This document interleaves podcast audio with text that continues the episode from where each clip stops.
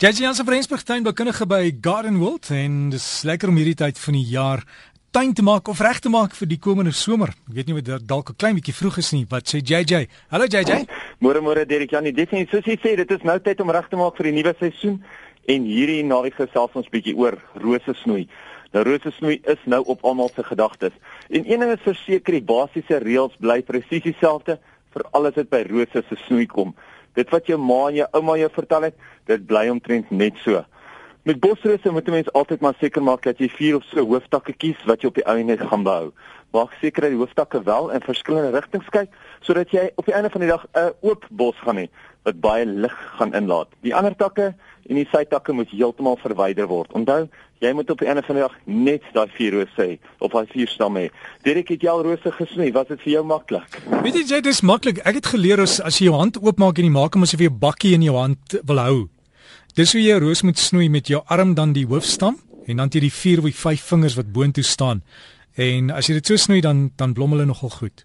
100% so. En dan die gekose hooftakke, daai vingers waarvan jy nou praat, moet dan op so 'n hoogte van 40 cm so bo die grondvlak afgesny word. Onthou dit is baie belangrik om daai snit skuins te maak sodat daar geen water op daai wond bly lê nie. Nou enige groot snitte moet geseël word en nie kan mense ietsie so sterisiel gebruik wat natuurlik jou insekte en jou fungusse gaan keer dat hulle nie die plant besmet nie.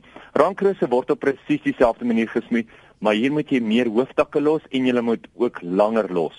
Onthou, jou rankroos moet reeds rank. Dit is die hele idee. So jy moet hom lekker lank los.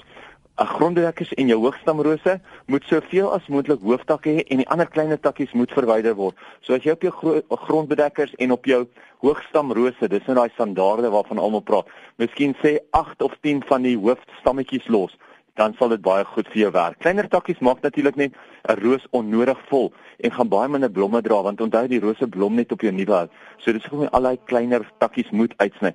En baie mense vra nou wat van waterlote? Nou waterlote wat veral met bosrose of hoogstamrose wat bo die enting uitkom, wat die bos self uitkom, is glad nie 'n probleem nie. Hulle kan jy los want daai waterlote gaan vir jou nuwe takke vorm. Maar as die waterlote of uit die grond uitkom of teen die stam van die hoogstam afkom, dan moet jy hom maar eerder afhaal want onthou, dit is die wilde onderstok en dit is wat jy nie wil hê nie.